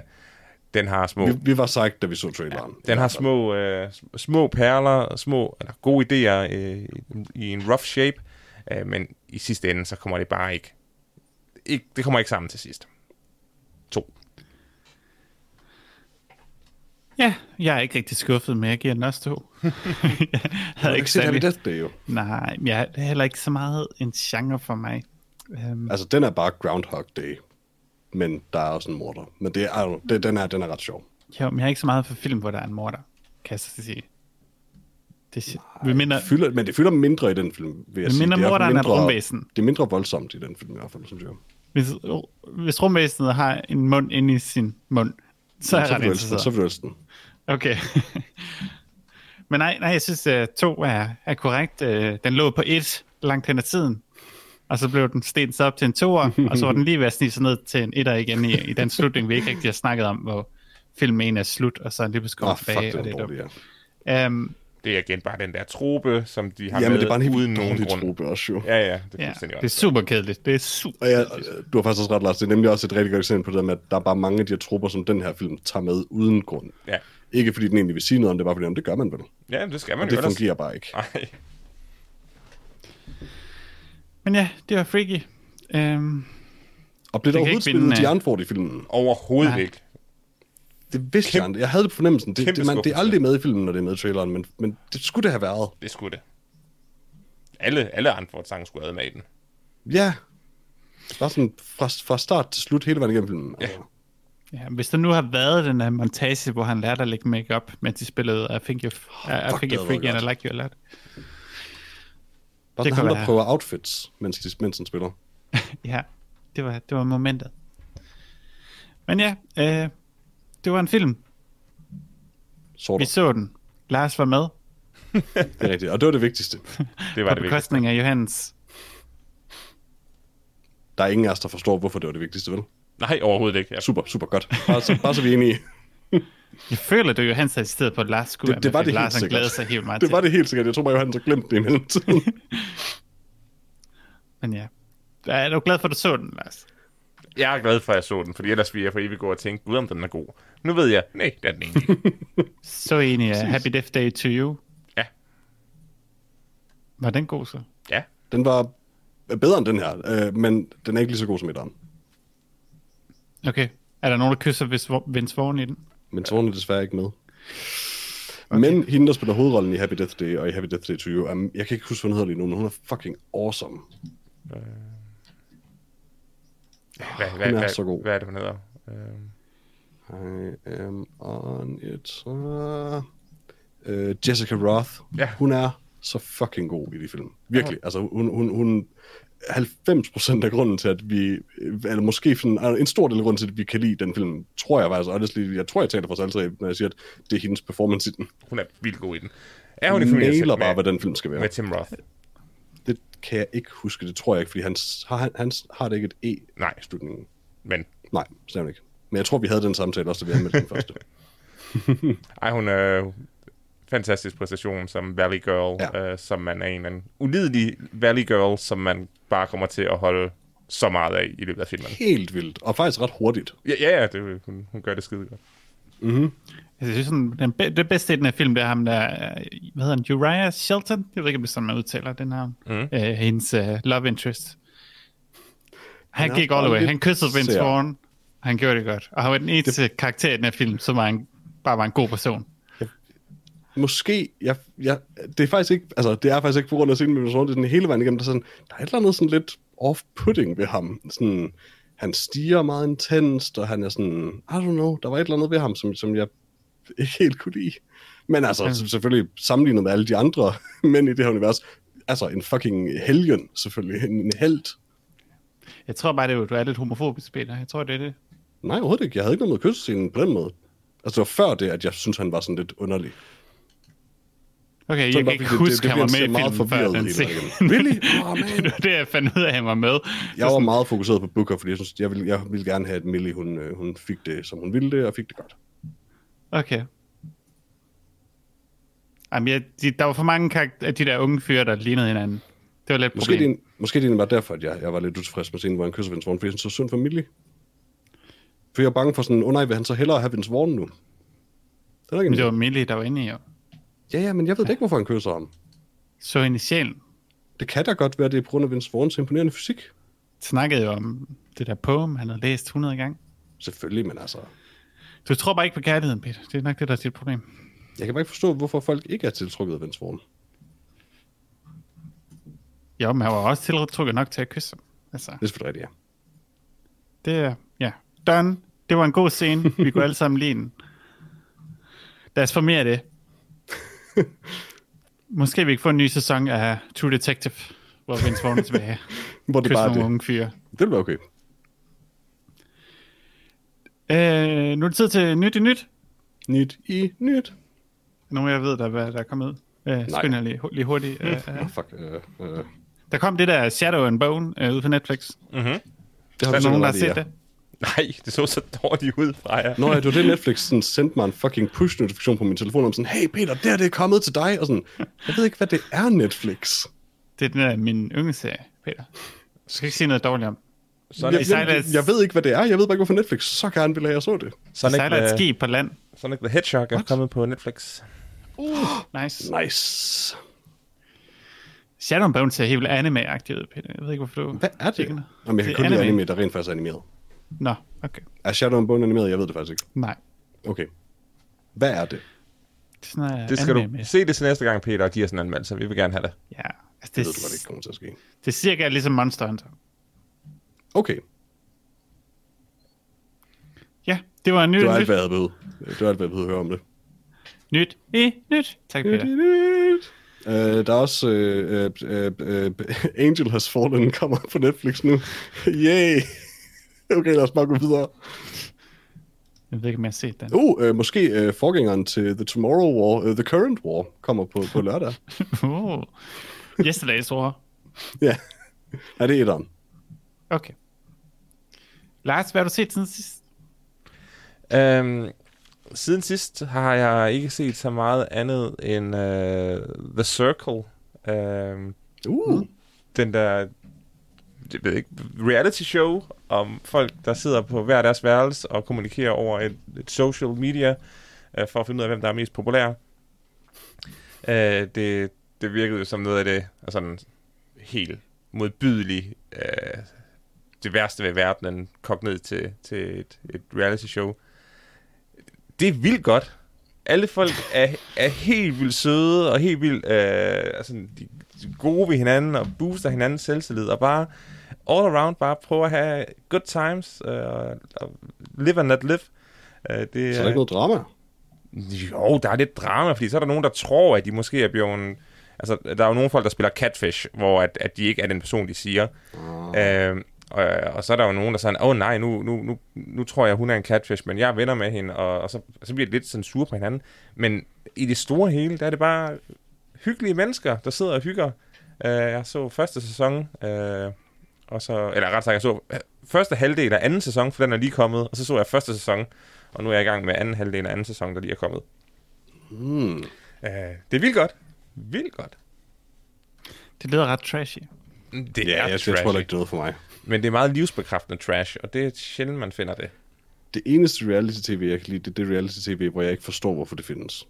Øh, så kan du godt lide det her, Peter. For eksempel sådan noget, hvor folk skal, hvor sådan alla det der underlige program, hvor folk konkurrerede i at være tattoo artists, men i stedet så skal de bodypainte folk. Det var godt. Eller det der glaspuster, noget du fortalte om. Det var også godt. Og tro mig, det her det er lige så godt. Det er meningsløst. Herligt. Der er bare ikke nogen, der konkurrerer. Eller konkurrerer de? Jo, det gør de. Ja, selvfølgelig. Ryger folk ud fra afsnit til afsnit? Ja, selvfølgelig. Nå, okay, cool. Godt. Det handler om at være populær, Peter. Den, der er mindst populær, ryger ud. Og der er nogen, der er fisk, siger du. Der er nogen, der er fisk, ja. Okay, godt. Jamen, så er jeg into it. Jeg bor alene, så jeg kan ikke se reality shows. Øh, Må man ikke det? Så må, Hvis- du, komme, nej, må du komme på det er besøg, så kan vi se Det er det. simpelthen for sørgeligt at sidde og se reality shows alene. Oh. Altså, så har man ramt bunden. Det er muligvis rigtigt. Fuck, jeg ved ikke, om jeg nogensinde har set reality sammen med folk. Er det noget, man gør? Det er Ja, det eneste, man gør, Peter. ja, det skal man. Så altid det er jo det. det. er min... jeg, jeg troede, det var noget, vi alle sammen gjorde i vores sørgelige øjeblikke. Nej, det Undskyld, er jeg har set reality sammen med folk. Selvfølgelig. Ja, sidder man og Det er trash så talker alle folk. Det er selvfølgelig rigtigt, egentlig. Okay, kan I huske, at det er lang tid siden, der sagde, at jeg så uh, Floor is Lava? Mm, Nej. Ja. ja. Nu kan man på Netflix, altså på onsdag, på Netfish. onsdag, på onsdag på, net, Netfisk. på Netflix, der kan man se Lava Kadava, uh, den hindi-versionen af det. Undskyld, Lars, jeg er nødt til at få dig til bare lige få så være en clean optagelse af det og sige det igen. Netfisk. Titlen altså. Nej, titlen. Nå, uh, Lava Kadava. Love it. Uh, det ser godt ud. Jeg hører det som Al- lava kadaver. Alle uh, contestants ser ud til at være hvide, og så er verden mm. inder, og så er det hele dobbelt mm. på hindi. Spændende. Det glæder jeg mig til at se. Jamen tak, fordi du tog os tilbage til nyt i nyt. Ja. Nyt i nyt. Peter, hvad har du set siden sidst? Jeg, jeg, jeg, jeg har ikke set noget. Har ikke set noget? Jeg, jeg har set nogle afsnit af Futurama. Men, men det er sådan det. Har du set den før? Ja, jeg har set, altså, mange gange.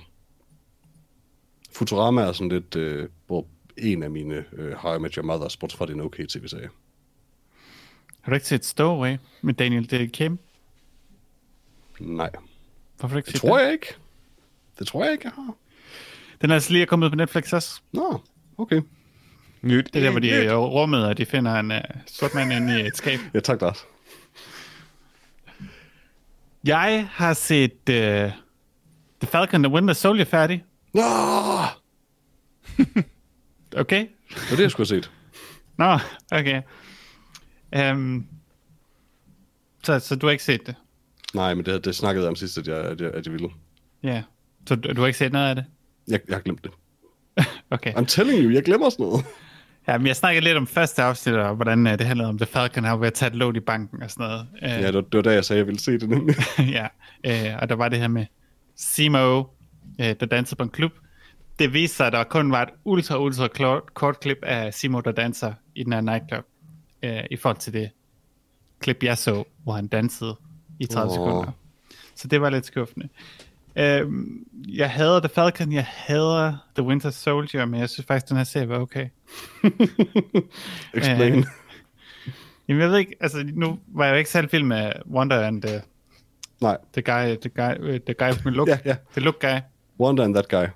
Ja, øh, fordi det er heller ikke god karakter, men øh, I don't know, det var sådan en, en mysterieserie, sådan en detektivserie, hvor de skulle jagte nogle supersoldater, og plottet flød egentlig meget godt. Der var en grund til de ting, alle folk gjorde.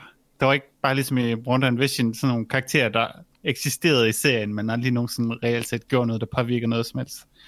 Øhm, ja, det er sådan lidt Tom Clancy-agtig serie. Det lyder lidt som Clancy-agtigt, ja. Ja, det er sådan meget uh, Tom Clancy. Man kan godt forestille sig, at Harrison Ford spillede uh, Falcon eller sådan eller andet. det havde været skal, skal fange Altså nogle gamle til- Harrison Ford, gætter jeg på, selvfølgelig. Ja, det er selvfølgelig. selvfølgelig. Uh, og så der har de en, en sym, uh, sympatisk skurk, og de gør en del for at etablere ting, og så har de hele med Falcon introducerer, ja, det at være sort og har fået et skjold af Captain America med Star Stripes på og sådan noget. De bevæger sig ned alle de her forskellige steder. Mm.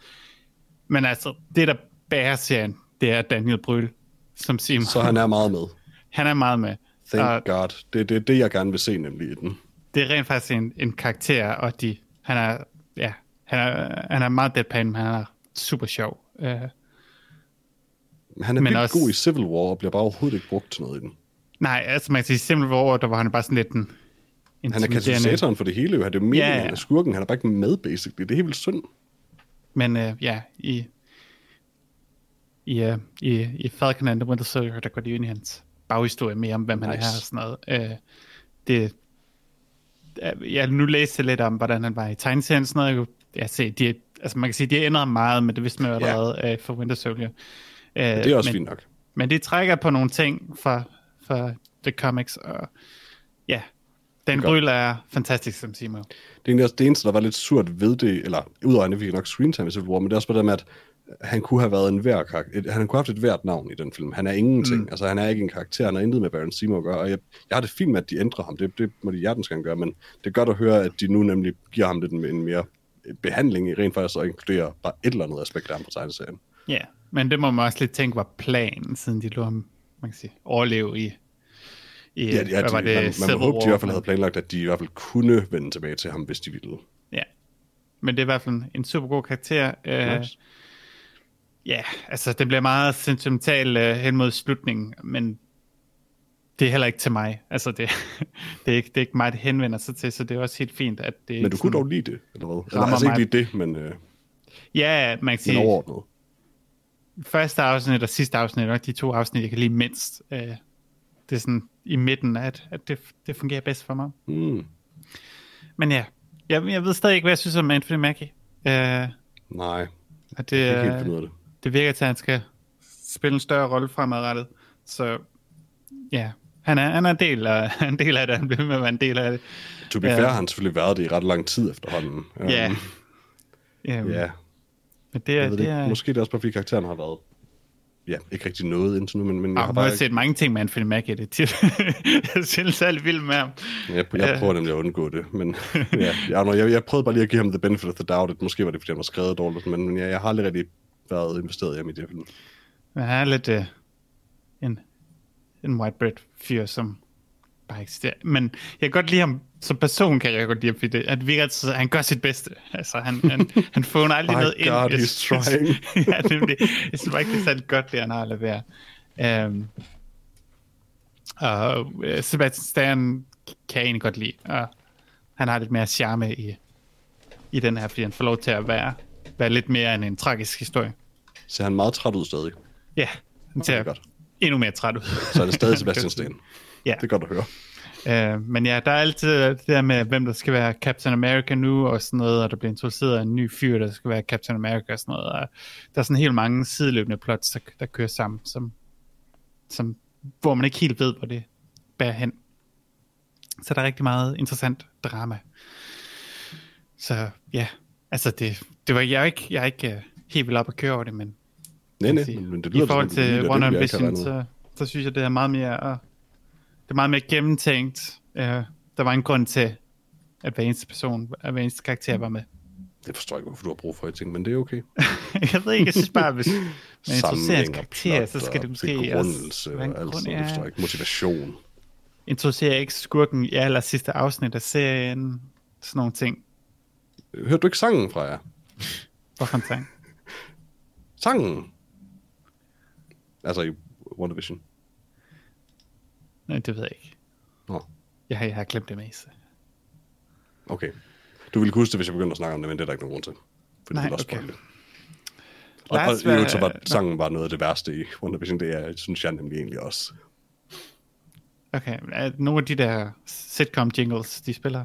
Nej, det, det er lige meget. Vi kan ikke, vi kan ikke Okay. gå dybere ind i det, men det er vidderligt spoiler. WandaVision.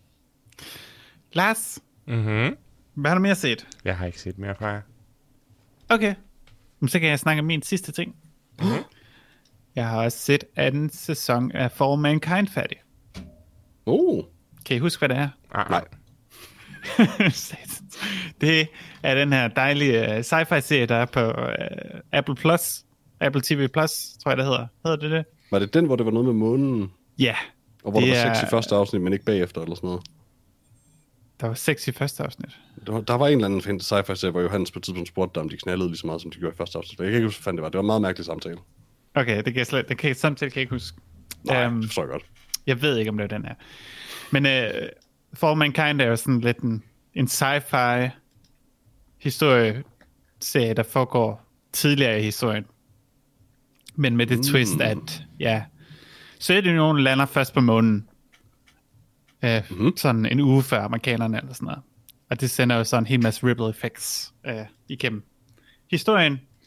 Uh, hvor, ja, de er nødt til at lave nogle ting om, og Sovjetunionen sender også en kvinde til månen, og så er USA lige fuck, vi har ikke nogen kvindelige astronauter, og så er de nødt til at gøre noget. Uh, så der er en del female empowerment, der er alt muligt, der er action, sci-fi på sådan et, uh, man kan sige, forholdsvis realistisk uh, uh, plan. Og, og, jeg ved ikke, om han er den primære creator, men uh, Ronald D. Moore, som lavede Battlestar Galactica, han er jo uh, sådan som drivkraften bag serien. Hmm. Så den har meget af det, man kan sige, samme stil. Altså det er jo noget, man kan sige, det er noget helt andet, men den har sådan lidt uh, samme følelse og, og, og håndterer nogle af de samme temaer. Cool. Men det var anden sæson, jeg så nu her, øh, som går, foregår i, i midt-80'erne, hvor den første sæson foregik i 70'erne. Så den er, Uh. serien er hoppet ni år over øh, mellem de to sæsoner. Øh, hvilket har lidt den uheldige effekt, at vi sådan lidt skal lave et catch-up øh, på karaktererne. Og alle karaktererne, som vi er fulgt i første sæson, er, har lige ramt deres midtlivskrise. Ah, Hvilket er sådan lidt... Næsten bliver lidt komisk. Det bliver lidt, okay, nu skal ret de alle det sammen... for dem alle sammen på samme tidspunkt. Ja, sådan lige samtidig alle sammen øh, en midtlivskrise. Øh, og det er selvfølgelig for at lave noget setup til noget drama. Øh, Er det fordi, der er en pandemi eller sådan noget? hvad? Er det fordi, der er en pandemi eller sådan noget, de alle sammen er låst inde? Nej, de er bare astronauter. De Nå, er sådan okay. ret øh, Det er slet det samme. emotionelle folk. øh, men der er noget rigtig godt drama. Der er nogen, de har adopteret en, en pige fra Vietnam, og så er der nogle ting med det, sådan noget familiedrama og alt muligt.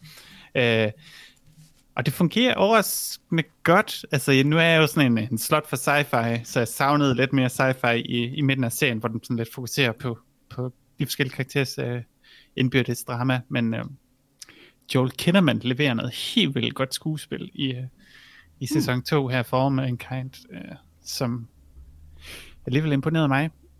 Um, mm. Hvornår blev den sci-fi? øh, altså man kan sige, at fra, fra det Ja, ja, ja, punkt, hvor Neil Armstrong og de andre, de lander på månen, der er det, man kan sige, det er jo allerede sci-fi. altså, men, men du ved, altså bliver den nogensinde, går den nogensinde mere hen af sådan en, altså ikke Battlestar Galactica, men du ved, men altså hvor den, det sådan space age stuff og sådan.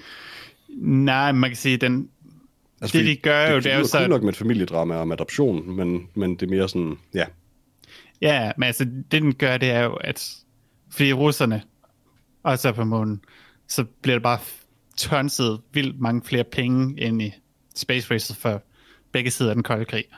Hvilket Ja. betyder, at vi stadigvæk har, man kan sige, et lavere teknologisk udvikling, vi har nu, men der bliver bare postet så mange penge i, at de bare, især her i sæson 2, bare smækker en hel masse folk op på månen og bygger en base, og ja, så Ja, er der man, lige fortsat bare med at smide energien den vej på en eller anden måde. Der. Ja, ja, altså for eksempel, der er sådan en lille tidbit i, øh, i sæson 2, hvor det fortæller, at Sovjetunionen har valgt ikke at invadere Afghanistan, fordi mm. de i stedet for at fyre alle penge ind i deres space race og sådan noget. øh, og ja, teaseren til sidst øh, for, for tredje sæson, der stod der lige, der var nogen, der trådte ned på en rød planet, der stod der 1995. øh, så, så man kan sige, det, det virker til at springe 10 år hver, cirka 9-10 år mm. hver sæson, øh, og gøre det på den måde, og ligesom skabe en alternativ historie, hvor ja, Space Racer bare lige stopper. Øhm, Ja. Men der er, der er noget vildt fedt uh, sci-fi, og så bliver det jo, bliver det jo eskaleret med våben, og det ender med, at de har våben på månen og sådan noget. Øhm, så det, ja, jeg synes, det er en virkelig fed serie, den er meget sådan down to earth, lidt mere, man kan sige, Det lyder som, at fokuserer meget på sci-fi. de menneskelige konsekvenser af det på en eller anden måde. Det, det lyder egentlig også interessant. Ja, ja, altså man kan sige, ligesom Battlestar Galactica var en dramaserie, der tilfældigvis også foregået i, foregik i rummet, hvor de kæmpede mod rum, eller øh, Ja, øh, robotter. Hvor de, ja, men det meste af tiden gik jo egentlig bare med, at de var sure på hinanden og snakkede politik og sådan noget. sådan er alt det bedste sci-fi. Og for den sags skyld fantasy. Ja, ja, altså... Og det er heller ikke en joke, altså det, det mener jeg, det er, at altså, det, det skal handle om det menneskelige, fordi det er i sidste ende altid det, der er det interessante.